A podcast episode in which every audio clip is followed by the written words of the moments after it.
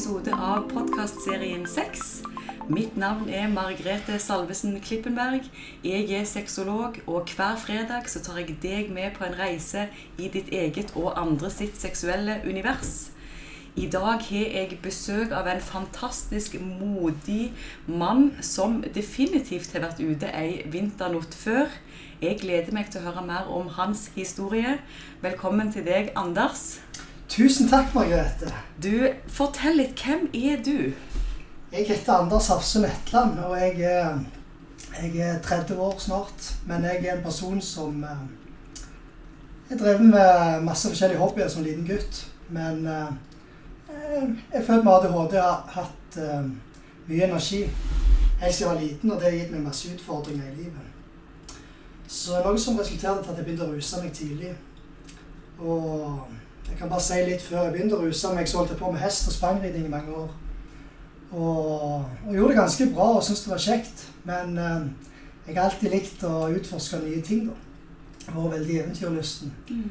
Så når jeg eh, ble 13 år, så var det andre ting som begynte å interessere meg mer. Og det var jo selvfølgelig fest og, og rusmidler og de tingene der. Ja, du, og nå sitter du her og er, er 30 år og har vært rusfri hvor lenge? Jeg var rusfri snart i fem år. Det, det er faktisk over fem år siden jeg drakk alkohol sist. Ok, Så Yes. rusfri i fem år, det er jo fantastisk. Ja, det er det. Hva var det som gjorde at du kom til det punktet at nå, nå var det nok? Det er et, eh, et godt spørsmål. Det var selvfølgelig en livsstil som tærde veldig på meg og min livskvalitet.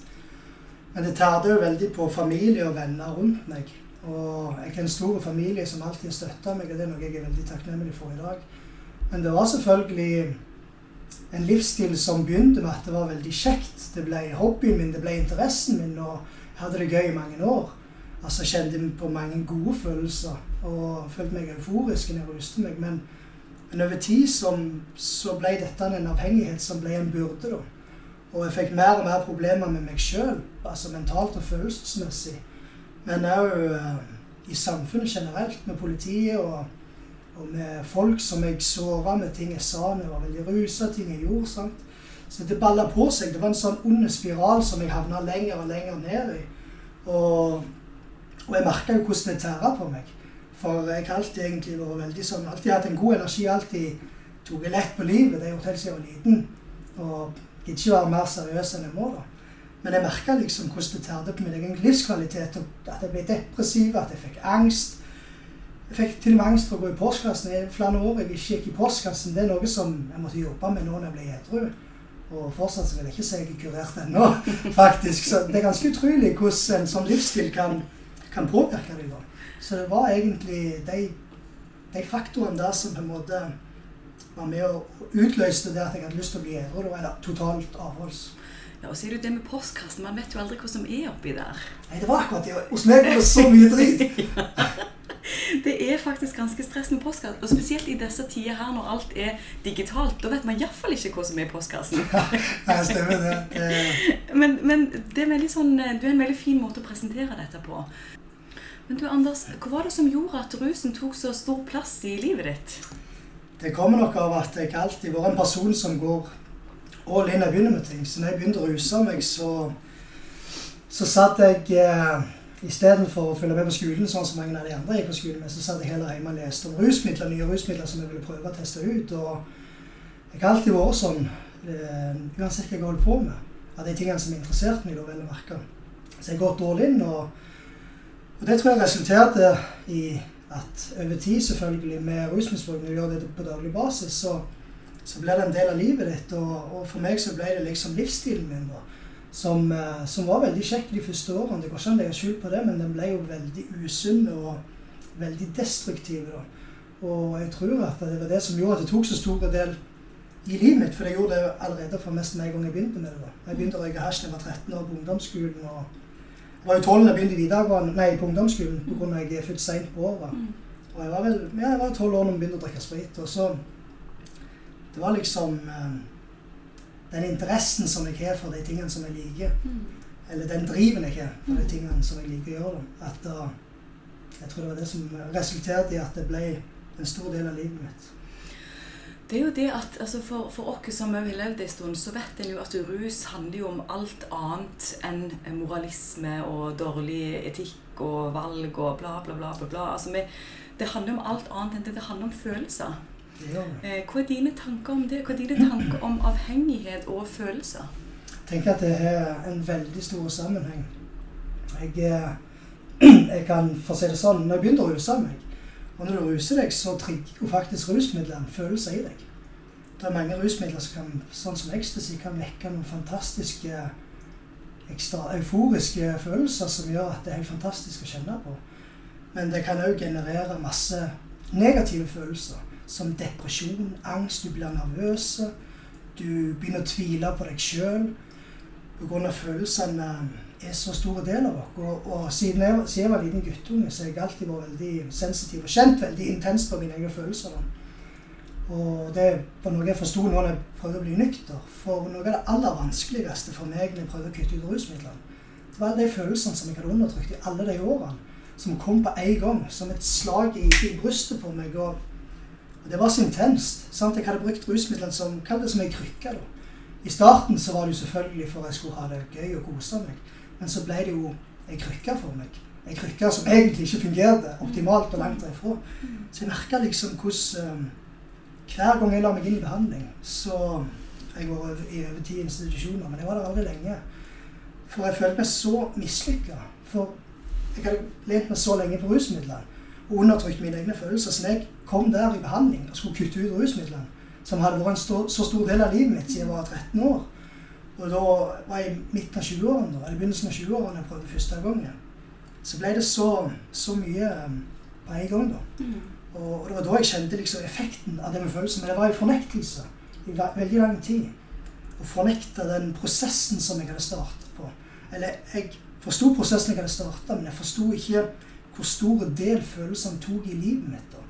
Og vi som mennesker som er jo veldig følelsesstyrt. Og det er noe som jeg lærte som, som rusavhengig. Da. For når jeg Jeg merka liksom hvor mye eh, Hvor stort forhold jeg hadde til rusmidlene.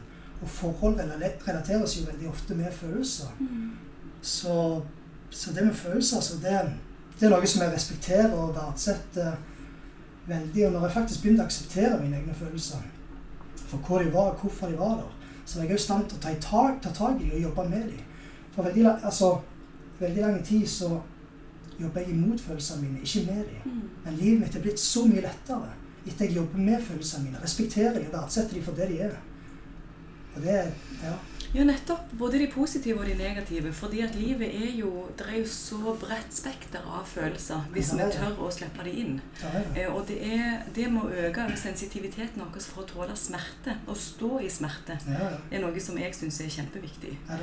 Eh, og det som, det, som liksom, det som, er sammenlignbart her da, i forhold til mitt yrke og det du forteller om, det er jo Jeg jobber jo òg med en del avhengighetsproblematikk knytta mm. til bl.a.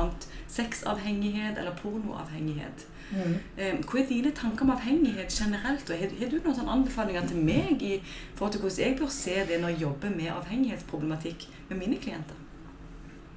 Jeg, eh, jeg vet iallfall ut ifra mitt eget liv og mine egne erfaringer, så jeg har jo hatt mange avhengigheter. Og, mm. og alt som har vært med avhengighet å gjøre for meg, det har hatt med følelsene mine å gjøre. Mm.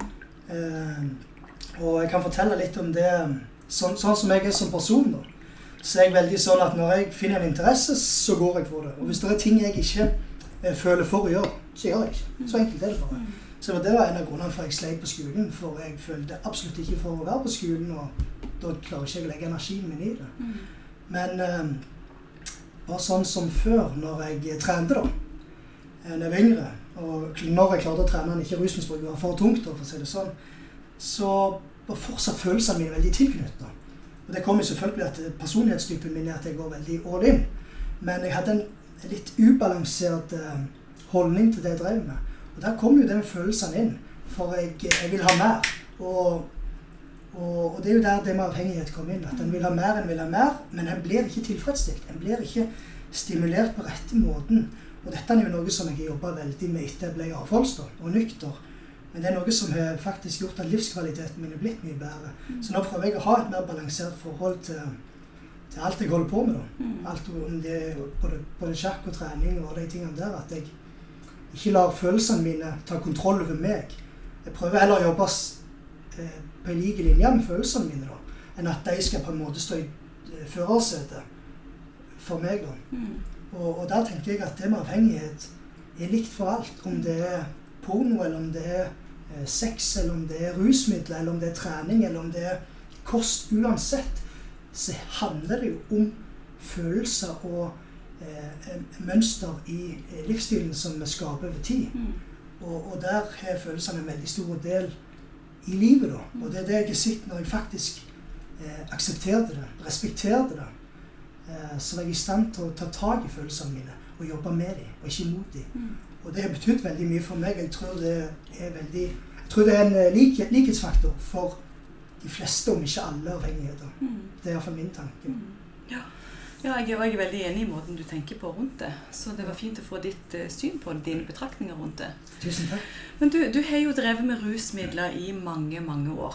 Eh, og det må jo òg ha prega deg på et eller annet vis. Og det som jeg er litt sånn nysgjerrig på, eller det som òg lytterne mine kanskje er litt nysgjerrig på, det er hvordan har du hatt plass til seksualiteten din i perioder der du har brukt veldig mye rusmidler? Hvordan har det påvirka seksualiteten din? Det påvirker jo. Eh, det fins jo Altså, det finnes jo rusmidler som påvirker deg eh, på en negativ måte, sånn som morfin opiater, som faktisk eh, senker testosteronet. da. Jeg gikk jo på LAR eksempel, i fire og et halvt år, Subutex, Mm. som er et kunstig morfinpreparat for folk som ikke klarer å slutte å ruse seg. Mm. Og, og det merker jeg påvirker sexlysten min. At Mm. sexlysten ble redusert, men det påvirker jo treningen min. Mm. For det påvirker hormonene mine. Mm. Så når jeg kutta det ut fra livet mitt, så ble jeg jo så lettrente som jeg alltid har vært. Så det var jo som en helomveltning i livet mitt. Men eh, andre rusmidler òg har en tendens til å påvirke deg. Men der kommer òg den følelsen inn. For når du ruser deg i mange år, så gjør du og sier mange dumme ting. Noe som gjør at du bærer på skam, angst, depresjon, alle de følelsene som følger med der. Over tid så vil det gjøre at du kanskje mister selvtilliten. Du begynner å tvile på deg sjøl. Og etter min erfaring, når du begynner å tvile på deg sjøl og mister selvtilliten, så er du ikke like trygg på deg sjøl i din egen kropp. sant? Det kan jo påvirke deg sexmessig og eh, hvordan du opptrer foran andre mennesker i, i sin helhet. Og, Mm. og det er noe som jeg husker har påvirka meg. Men som i, i periodene jeg var mye rusa, så har det aldri vært en begrensning for meg. Men så er det alltid etter hvordan rusmisbruk jeg har hatt. For jeg har hatt et veldig variert liv. da. Og når jeg har gått på veldig tunge stoffer, og de siste årene når jeg, jeg begynte å bruke sprøyter og, og livet mitt falt veldig fra hverandre. Og, og da merka jeg jo at selvfølgelig det påvirka sexlysten min og sexlivet mitt òg, for å si det sånn. Og, og det er noe som kan være vanskelig, og det tror jeg er noe som mange sliter med når skal bli helt avholds. For mange har kanskje hatt mest sex, da, for, for å si det sånn, når de var rusa. Når de plutselig skal kutte ut alt, da mener jeg alkohol, absolutt alt som er eh, kategorisert som rusmidler. Du skal begynne å lene deg på deg sjøl, din egen energi, din egen trygghet, din egen selv, selvtillit, så er det vanskelig. Men jeg husker når jeg begynte å ruse meg, så var det skummelt å prøve å ruse seg i første gang. Det var ukomfortabelt. Og, og det var det jo selvfølgelig når du skulle begynne å lene deg kun på deg sjøl uten rusmidler. Det er jo sant du skal stå på egne bein i samfunnet, eller når du skal ha sex, uansett hva det gjelder. Så var det noe som var eh, krevende. Men som jeg sa, det å, at det var skummelt å begynne å ruse seg, det er noe som jeg alltid husker. Jeg har alltid vært veldig reflektert, og det hjelper meg. For, for når jeg forstod at det var jo skummelt å begynne å ruse seg, men når jeg prøvde det, så kom jeg fort inn i det, så ble det gøy. Det er akkurat likt i livet òg. Du bare tårer ut av komfortsona din og prøve. Så ser du at dette mestrer jeg. Og så genererer du faktisk selvtillit. Og, og det er det som er så fint med, eh, med følelser i sin helhet, syns jeg iallfall. Og, Ja, og som jeg sier, altså det med, det med sex og intimitet og det med å være nær et annet menneske, ja, det handler jo om å virkelig tåre å slippe noen inn, og det å tørre å gjøre seg sjøl sårbar. det. Og det er jo òg veldig mye av det en kanskje skjuler og prøver å gjemme òg i et rusbruk. Nettopp det med å være sårbar, og det med å slippe noen andre inn. For du, bygger opp det forsvaret der òg ved hjelp av rusmidler. Stemmer. Så hvordan er det da når muren faller, rusmuren faller, og du skal være sårbar både med deg sjøl og med et annet menneske intimt? Altså, Hvordan er det? Hvordan er den følelsen da? For meg så var det intenst. Eh, men, eh, men det tror jeg er uansett om du ikke har et rusproblem, òg om du skal gjøre noe som du ikke har gjort på mange år. liksom, eller For meg så ble det jo nesten som å gjøre noe som du ikke har gjort før. sant? For du skal prøve det i en ny form, da. Men uh, etter min erfaring, når du bare tårer å, å slippe ned den muren, den garden som du snakker om, og tårer å stole på deg sjøl, så er det iallfall noe som har hjulpet meg veldig til å bli mer trygg på meg sjøl og vokse. At jeg får tilbake min selvtillit. Så, så det har faktisk betydd veldig mye for meg. da. Men det er jo selvfølgelig veldig eh, vanskelig der og da, og veldig intenst, som du mm. sier. Ja, for Når du plutselig skal møte deg sjøl på en helt annen måte enn når du begynte å bygge ned den der muren altså det må virke, For meg, da, som ikke har hatt et rusproblem, mm. eh, så virker det så, så, Det virker så skremmende. Ja. Eh, når du da begynner å bygge ned. Og jeg tror ikke folk flest forstår hvor skremmende det faktisk er når du har bygd deg sjøl inne over så lang tid og skal begynne å slippe ned gard for gard for gard. Og sånn som du òg sier, når en har hatt et rusproblem over lang tid, mm. så betyr det òg at en har gjort en del ting på veien mm. som har generert skam og skyld, som du sier. Mm. Og det med å sitte med de følelsene av skam og skyld og skal begynne å jobbe med det Altså, Det er modig. altså Det er ikke for folk flest. Det er modig å tørre å ta tak i den materien som ligger der, spesielt kanskje det en har påført andre. Hva er ja. dine tanker om det? det er noe som jeg syns var vanskelig i veldig lang tid. Mm. Og den første perioden min som, eh, som rusfri, da, da gikk jeg jo på, på LAR, men jeg brukte ingen andre rusmidler. Og da, da begynte den prosessen for da å ta tak i meg sjøl. Men det var faktisk veldig lenge jeg sleit med å være helt ærlig med meg sjøl. Eh, og alle valgene jeg hadde tatt Faktisk i en lang periode så spilte jeg offer sa at det var andre sin feil at jeg sto i de situasjonene jeg sto i. Men det er jo ikke sannheten. Altså, alt som har skjedd i mitt liv, har vært min egen skapelse basert på mine valg. Men når jeg var i stand til å være ærlig med meg sjøl på den måten, da var jeg i stand til å begynne å jobbe med meg sjøl. På 100 skikkelig vis. Og, og det Men det å klare å akseptere de tingene som du kanskje har sagt og gjort med andre mennesker, spesielt kanskje familie, at du såra dem. Det var for meg veldig vanskelig, og det tok meg kanskje to år bare for å klare den prosessen der. Men jeg var i stand til det. Mm. Så ble livet mitt mye bedre. Og faktisk, jeg har ikke bare lyst til å fortelle en liten ting om det. For når jeg klarte å akseptere det for meg sjøl, så faktisk så begynte jeg å grine. Akkurat som kroppen min. Altså kroppen er jo intelligent, det vet vi jo. Og det er akkurat som uh, den tok del i prosessen min. Så jeg begynte å grine. Det faktisk jeg følte det var helbredende. Og dette er noe som har skjedd mange ganger. Når jeg skulle kutte ut LAR-medisinen, som var april i fjor, så skjedde det akkurat det samme. Men det var faktisk veldig herlig for meg. For det var helbredende. Jeg merka det var helbredende. og Det letta på trykket. Det var sånne ting som jeg ikke hadde tenkt på. Gamle minner fra barndommen som dukket opp. Det var veldig intenst og veldig sterkt, men det var veldig herlig. Det var befriende. Og da visste og kjente jeg litt til den prosessen, så jeg aksepterte det og lot energien som strømte gjennom meg, flyte fritt.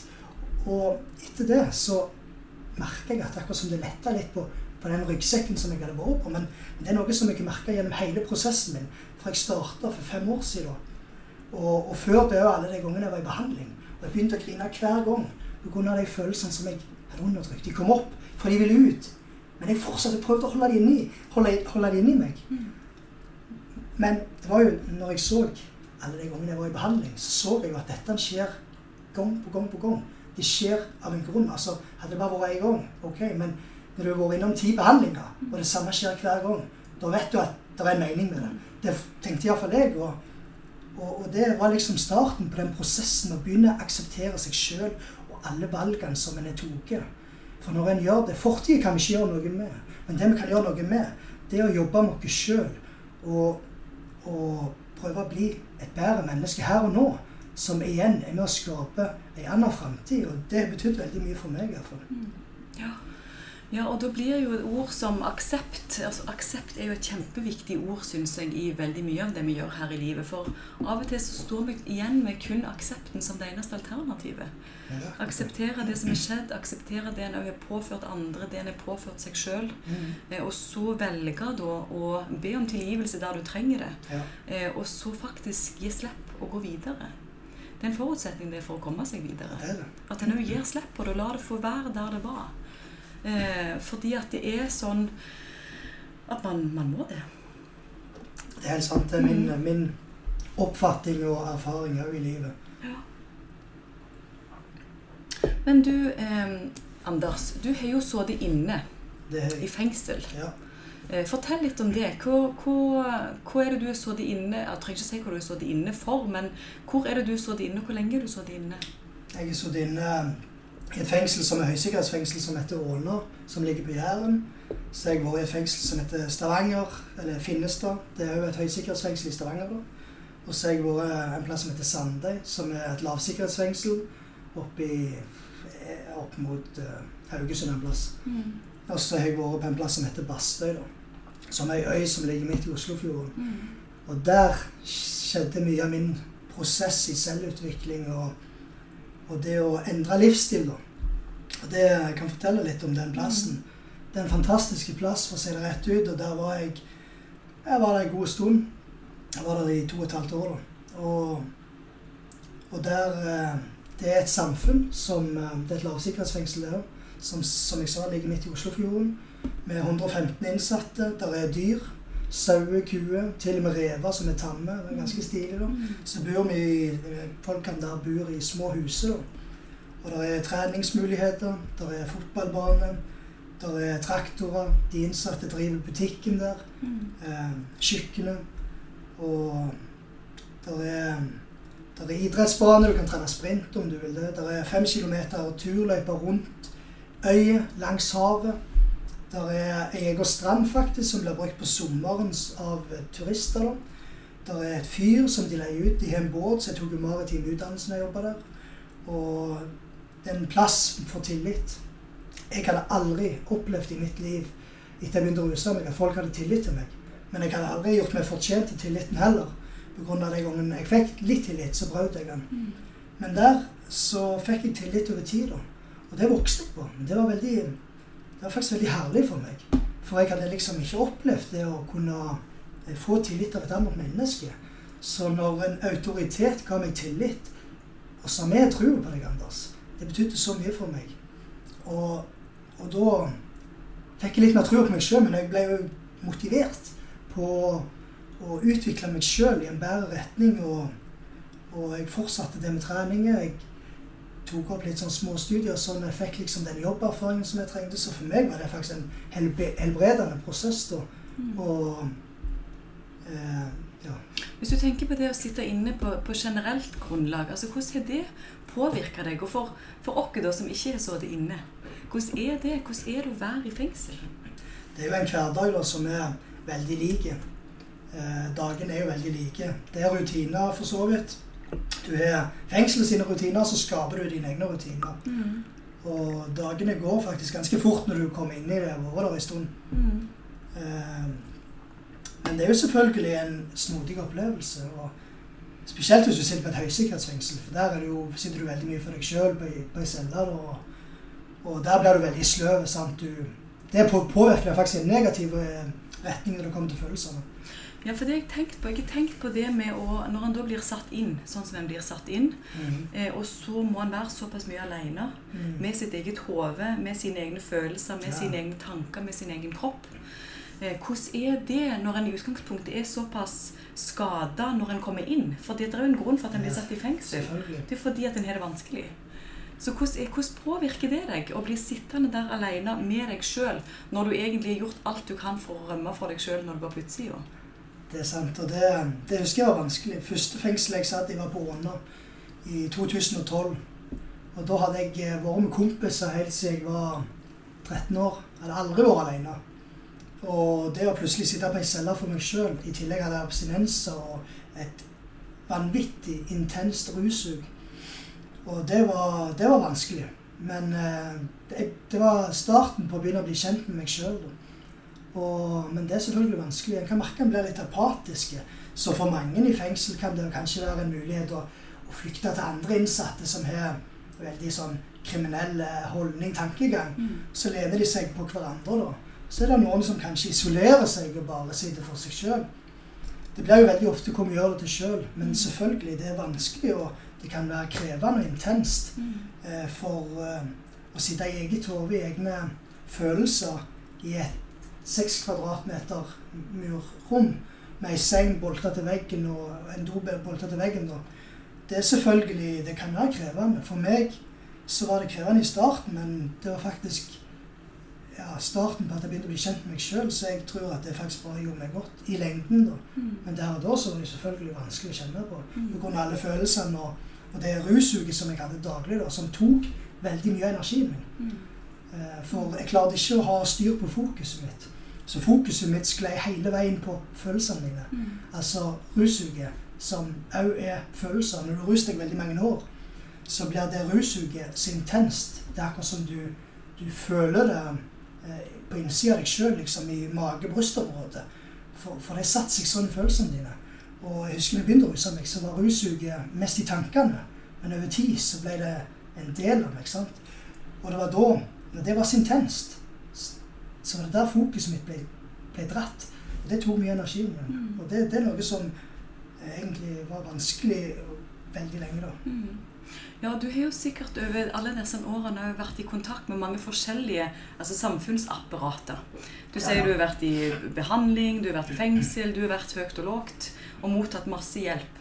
Det er helt sant. Eh, og hva er det da som er suksessfaktoren hjelpeapparatet? Fordi at det lurer jeg på som en av hjelperne egentlig der ute. Hva er suksessfaktoren for deg? For meg så har suksessfaktoren vært eh, tilliten. At de som, ja, som har vært rundt meg, da, at de har gitt meg tillit. For hvis, de, hvis tøylene er for stramme, så får du ikke mulighet til å utforske deg sjøl, utforske livet. Og så tilliten har vært veldig betydningsfull for meg. Men òg det at de har trua på meg. For når du er veldig skakkjørt og nedkjørt på rusmidler over lang tid Jeg ruset meg i tolv år. Når du har gjort det, så, så blir du litt usikker på deg sjøl, iallfall når du skal kutte ut rusmidler. Sant? Den gangen du er trygg på deg sjøl, er kanskje den gangen du er skyhøy på et rusmiddel. Så det at noen hadde tro på meg og sa 'Jeg tror du får til dette, Anders. Jeg, tror, jeg vet at du er sterk', de, de uh, ordene og de utstrålingene som de som har vært rundt meg For jeg har erfart folk som ikke har tro på meg, og folk som ikke gir meg tillit. Men det har aldri fungert for meg. Så kan jeg kanskje si at kanskje jeg ikke var mottagelig for det heller. Så, men, men når livet mitt begynte å gå mot den positive retning, det var når jeg fikk tillit og, og respekt, og at de som var rundt meg, trodde på meg. Mm. Og Da begynte jeg å tro på meg sjøl. Så begynte jeg å utforske. Og da så jeg at dette fikk til. Og det genererte det genererte så mye mer selvtillit og tro på meg sjøl. Mm. Så det har vært en faktor som har vært veldig betydningsfull for meg. Ja. Og så Jeg er jo sexolog, så jeg må jo spørre om litt sånn sexspørsmål, for det lurer jeg jo litt på. Så Når du da sitter, du da sitter inne mm. Du det inne i mange år sammenheng, eller ikke sammenhengende, ja, ja, men i perioder, har jeg. Ja, Ikke sånn veldig mange, men ja. Nei, ja, sånn totalt, nok, nok, år. Eh, hvordan, hvordan, hvordan påvirker det seksualiteten din å være, i, være rett og slett innelåst? Det kan jo påvirke seksualiteten. En kan jo bli litt sånn frustrert. da. Mm. Og når jeg var på Åna, så ble jeg òg frakta til en plass som heter Sandøy, som er et lavsikkerhetsfengsel. Eh, ja, som jeg sa da. Og der er det damer. Og Der ble jeg kjent med ei dame, og faktisk eh, Vi hadde sex der. Og meg og hun ble jo sendt samtidig da, til Finnestad. Så det var da jeg fikk oppleve høysikkerhetsfengsel i Stavanger. Og, men da, da, var jeg bare 22 år og, og syntes dette var egentlig ganske kult og gøy. Så jeg brydde meg ikke så mye da. Men, eh, men, neste gang jeg satt i fengsel, det var jo når jeg var på Bastøy. Da gikk jeg i LAR. da. Så da var jo sexlysten min redusert pga. medikamentene som jeg gikk på. Mm. Men selvfølgelig, en merker jo hvis en går uten sex lenge, at, at det er kanskje noe som frister, da. Mm. Eh, er det et tema altså når du blir satt inn i seksualitet, et tema som du blir spurt om, om det er viktig for deg? Blir det lagt til rette for at en kan ha eh, kontakt med andre, eller det med å ha kontakt med seg sjøl i forhold til onani og sånne ting? Nå spør jeg litt sånn direkte. Er, det, er dette et tema for innsatte i norske fengsler i dag? Det, det, er jeg faktisk ikke helt sikker på. Jeg tror ikke det er optimalt, i hvert fall. Um, jeg tror ikke så mange av de innsatte heller faktisk hadde vært åpne for sånne samtaler. Mm. Sånn når jeg møtte en del eh, innsatte da, i mitt liv, og fikk jeg ganske utadvendt og kom godt venns med de fleste. Mm. Og det jeg kjenner iallfall svært få av de ville hatt sånne åpne samtaler med noen. Men jeg tror noen ville. Jeg har møtt noen som, som er åpne og hadde satt pris på det. Mm. Så jeg tror det er veldig variert. Jeg tror det er noe som er en god idé for framtida. For, for jeg tror det vil være helbredende for mange som sitter inne, faktisk. Ja, for jeg- ja. jeg regner jo med at når en da blir satt inn, at det da blir gjort en eller annen form for kartlegging av hvem du er, sant? og din fysiske helse, kanskje din psykiske helse, og gjør det, altså det er kanskje det er bare Ja. noe jeg antar, men Minimalt. okay, okay. ok. Ja, Iallfall i min erfaring. ja. ja. Ja. Sånn at det blir ikke på en måte lagt vekt på hva som er dine behov for å ha et ok opphold. Nei, jeg tror ikke det er ressurser heller til det, Mm. Så jeg sier, til å kartlegge alle. Mm. For mange, i mange fengsler så er det jo veldig trekk. Folk kommer og går i hytt og gevær. Mm. Ja, ok. Ok, det er i hvert fall, Jeg syns det er interessant uansett, fordi at eh, sånn uavhengig av hvor vi er hen og hva vi gjør, så har vi òg alltid seksualiteten med oss. Ja, Um, og det, det med å ha en bevissthet rundt at når han da blir tatt vekk for en periode, så er han òg den med seg. Så jeg syns bare det er litt interessant å høre med deg dine synspunkter rundt akkurat det her. Og Anders, det er jo selvfølgelig et liv utenfor fengselsmurene, som jo du har levd mesteparten av ditt liv, heldigvis. Ja, heldigvis. Eh, Men du, hvordan er det da når en kommer ut igjen til samfunnet, tilbake igjen til Egersund? Vi bor jo i en veldig liten by. Ja, det. Eh, og det er masse mennesker her, og en har kanskje bygd seg opp noen tanker om hvordan det skal være å komme ut. Fortell litt om den prosessen. Ja, jeg kan uh, si at faktisk Jeg var litt sånn skeptisk på å flytte hjem, for jeg levde litt i fortida mi. Spesielt med alle de tingene som jeg har sagt og gjort mot veldig mange mennesker i Egersund, som ruser. Når du er vekke fra byen en stund og skal komme hjem edru, så jeg hadde skapt meg mange illusjoner om hvordan jeg og fordommer på hvordan jeg trodde folk ville se på meg. Men jeg så jo når jeg flytta hjem, at det var bare illusjoner. Så jeg hadde brukt masse av min tid og min energi på å skape meg masse bilder i hodet på hvordan ting ville bli. Men det var jo ikke sånn. Så, så det, men det var faktisk veldig befriende. Mm. For da så jeg at da, veldig mange ganger så skaper vi illusjoner i sinnet basert på tidligere erfaringer. Mm. Og det var befriende, for da så jeg at at, uh, at uh, ja, den illusjonen, da, den, den eh, kan ta veldig mye av tid og fokus og energien vår. Men det er ikke vits å tvile så mye. Det er bedre å leve her og nå. Og det er noe som jeg så at faktisk folk var veldig imøtekommende med meg og, og valgte å gi meg en sjanse. Og folk så at jeg òg hadde skjerpa meg. Og over tid så har jo jeg fortsatt med mitt liv. Og folk ser jo at jeg deler mine erfaringer som hjelper mange andre mennesker. Så jeg er blitt veldig positivt overraska. Men jeg syns det er herlig, og, og det er noe som jeg ønsker alle som sliter med rus, og som òg kommer ut av fengsel, skal eh, forstå at faktisk folk får som regel en ny sjanse, og livet går videre. Så lenge en bare er i stand til å gjøre den indre jobben som kreves, og ta tak i de tingene som skapte problemer i livet tidligere. men tar tak i dem og klarer å endre seg i en positiv retning, så vil en oppleve det positive i livet òg. Det kan kanskje ta litt tid. For meg òg tok det tid. Men jeg så sånne små detaljer regelmessig på min prosess, eh, på min vei i livet, da. At når jeg gradvis forandra meg, så så jeg at folk begynte å stole mer på meg. Og, og det var faktisk noe som jeg merka da. Mm. og nå, nå har jeg aldri hatt et så bra liv som jeg har i dag. Og det er jo av at jeg har gjort en indre jobb med meg sjøl òg. Og det skinner som regel ut på utsida. Ja, det er det det gjør, og spesielt mennesker som er så i kontakt med seg sjøl og sitt eget følelsesliv og sitt eget register. Det, det er veldig synlig i måten man da òg er mot andre på. Eh, Fordi at da, da kommer man ofte til et sted der en, der en bare vil det beste eh, for andre. Ja. Og ønsker å være da et slags verktøy kanskje for andre. Eh, sånn at andre skal kunne forstå de tingene som kanskje du har forstått. Ja. Men hvordan er det da å begynne å både det med å komme i kontakt med de gamle relasjonene dine, venner, familie og sånne Mm. ting, men òg det å bygge nye relasjoner til nye mennesker. Hvordan har den prosessen vært etter alt det du har vært igjennom? For meg er det faktisk ikke vært noe vanskelig akkurat det. For jeg har alltid vært veldig sånn sosial og utadvendt. Så jeg har aldri hatt noen problemer med å skape med nye relasjoner. Det har aldri vært en faktor i mitt liv. Men jeg kjenner veldig mange som er mer innadvendt som personer. Som har funnet utfordringer i det. Og, og det vet jeg jo at kan være veldig vanskelig. Men for meg Heldigvis er jeg alltid hatt en støttende familie som er en god og stor familie som jeg er veldig takknemlig for. For all støtten og bidraget som de har gjort, og de har besøkt meg på alle plasser jeg har vært plassert i, i landet. Da. Noe som jeg er som sagt veldig glad og takknemlig for. Men uh, det å skape nye relasjoner for meg har gått veldig greit. Men det er jo gått gradvis, da. Mm. Uh, men jeg tenker en må være litt åpen. En må by litt på seg sjøl. For svært, etter min erfaring så er det svært lite som kommer og banker på døra og sier nå har vi en mulighet for deg her.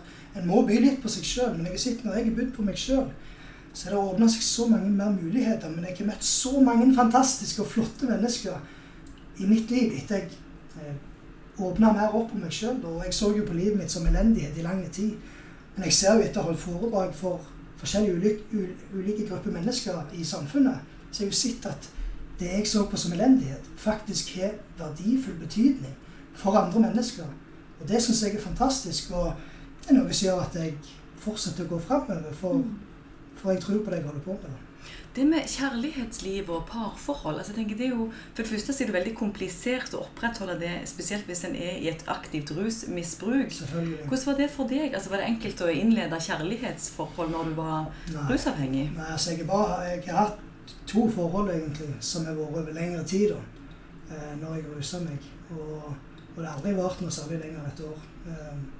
Utenom det så har jeg aldri klart da jeg kaller det de sier bytta partner. Da, og alt etter. For jeg var veldig sjølsentrert og egoistisk når jeg levde det livet der. og jeg var ikke, Det var sikkert ingen som klarte å holde ut med meg heller, for jeg var kanskje ikke den mest uh, herlige personen å være rundt alltid. da. Så, så jeg har aldri hatt noe sånn kjærlighetsforhold som har vært lenge i mitt rusliv.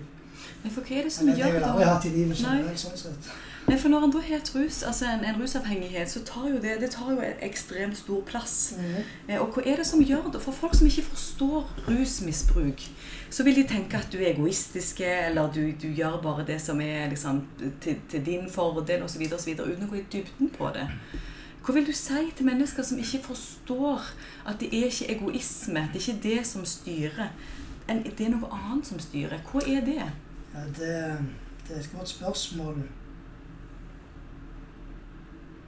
Det, det med avhengighet En blir jo selvfølgelig egoistisk og sjølsentrert, men så er det kanskje basert ut ifra den indre driven som en har etter sin egen avhengighet. Mm. Og mennesker er villige til å gå ganske langt, dessverre, for, for å få tilfredsstilt den avhengigheten som de har. For det om den avhengigheten kanskje ikke tilfredsstiller de mer enn et par sekunder, så er det noe de som jakter på. De baserer hele livet sitt på det. Og, og det er kanskje vanskelig å forstå når du står på utsida, men, men den avhengigheten blir jo skapt over tid og blir sterkere og sterkere jo lenger du holder på. Og at den blir sjølsentrert. Men det er jo til syvende og sist så er det jo basert på avhengigheten og, og følelsene som er knytta rundt avhengigheten. At en velger å basere livet sitt på noe som faktisk skaper livet mer destruktivt. Det er for meg nok forklaring på at det er veldig stor kraft som er involvert i det med avhengighet. Ja, fordi mennesker som ikke, Min oppfatning da, av mennesker som kanskje ikke forstår avhengighetsproblematikk, mm. de ville sagt noe som at ja, men Anders, hvorfor slutter du ikke bare? Ja, sant, og og det, det, Den kommentaren har jeg hørt. Og, og jeg har til og med prøvd å slutte for andre sin del. Da. Mm. Det funka ikke. Mm. Jeg måtte komme på en plass i livet der jeg gjorde det for meg sjøl. Og jeg måtte veldig langt ned i gryta da, før jeg eh, klarte å ta det valget. Men som sagt, min erfaring, da det, det, For meg har det betydd så mye med følelsene mine. Og, og de følelsene som jeg har hatt tilknytta til livsstilen min, til de uvanene og de usunne mønstrene som jeg har hatt. Så det å bare slutte, det er ikke lett. For eh, hvis du gjør noe over tid, regelmessig, uansett, så skaper du et forhold til det. Og, og av min erfaring så, så, krever det styrke, men det krever disiplin og at du må gjøre det motsatte regelmessig. Du må kutte ut det du har brukt tid på tidligere regelmessig, og, og fortsette i den banen der. Og det krever veldig mye. Og selvfølgelig av og til så vil en kanskje snuble, men men det, det, er en del av prosessen. Hvis en bare klarer å se det at OK, dette skjedde, hvor kan jeg lære dette? Hvor, hvor detaljer er det her for meg å jobbe med? Så, så blir det litt kjekt å ta del i den prosessen som kanskje er veldig krevende og vanskelig. Mm. Ja, og Hvordan er det da når du da kommer ut på andre sida og du har vært rusfri lenge? Hvor lett eller hvor vanskelig er det da å eh, innlede nye kjærlighetsforhold, f.eks.? Hvordan, hvordan er det? Ja, det kan være krevende. Ja. Og jeg har prøvd det en gang, da. Eh, og det varte ikke så lenge. Og, men jeg tror ikke jeg var klar for det. Jeg, eh, jeg har mine mål og mine ambisjoner. De, de velger jeg å bruke veldig mye av fokus og tida mitt på. Men selvfølgelig, det var òg en, en stor omstilling å gå inn i et forhold eh, som rusfri og alt det der. Og det krever veldig mye, da. Det er forventninger til, til deg sjøl plutselig, som er utfører deg sjøl. Mm. Og det er ikke jeg vant med. Mm. Og, og jeg følte ikke jeg var klar for det, for å si det kort fortalt. Ja, for Hva er det som gjør at det blir så komplisert å gå inn i sånne nære relasjoner med andre? Klarer du å liksom, gjenkjenne dynamikken i hva det er som blir for vanskelig her og nå? Ja, I mitt tilfelle så var vi veldig forskjellige, da. Og det er noe som jeg eh, fant ut at eh, det fungerer kanskje ikke optimalt for meg pga. den livsstilen som jeg har, de tingene som jeg ønsker å gjøre. Og, men det, det må inn i, i, i relasjoner uansett. De krever jo noe av deg sjøl. Du må på en måte bidra med din energi eh, på et visst nivå. Og altså, selvfølgelig, jeg hadde det veldig fint.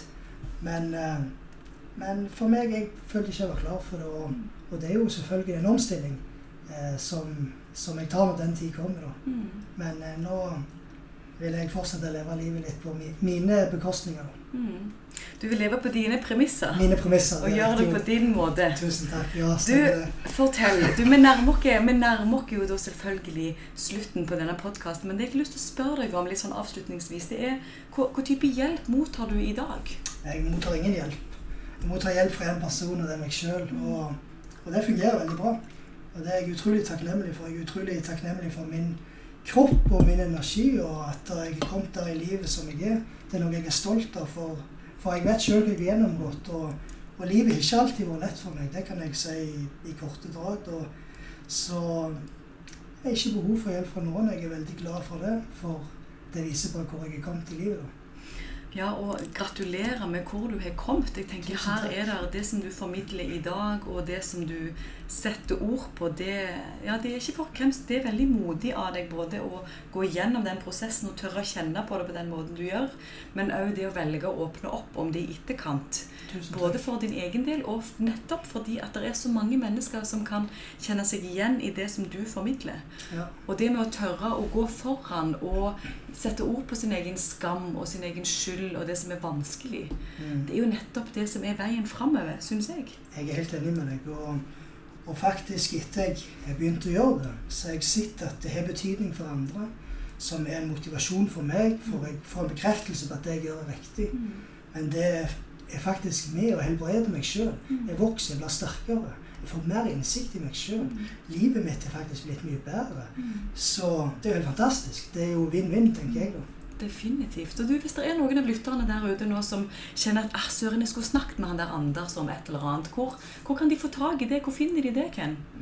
Ja, nå er jeg jo på Instagram Ja. og, og Facebook, da, så det går jo an å bare legge meg til der. Ja, Hva heter, meg- hva heter du rundt forbi? Er Anders Netland Anders Netland. med små bokstaver. Anders Netland med små bokstaver rett ja, ut. Både det. på Instagram og Facebook. Ja, jeg, jeg synkroniserer. Ja, det er veldig lurt. Gjør det likt. Stemmer det. Og for dere andre, hvis dere er nysgjerrig på mitt arbeid rundt det med avhengighet, så kan dere òg gå inn på min hjemmeside sexologklippenberg.no, eller min Instagram-profil sexologklippenberg. Så jeg er òg ganske synkronisert her, hører jeg. Du er det. Og det Ja. er herlig når synkronitetene opptrer i livet, så er det ganske magisk. Ja, da blir det synkront. det gjør Da blir det synkront.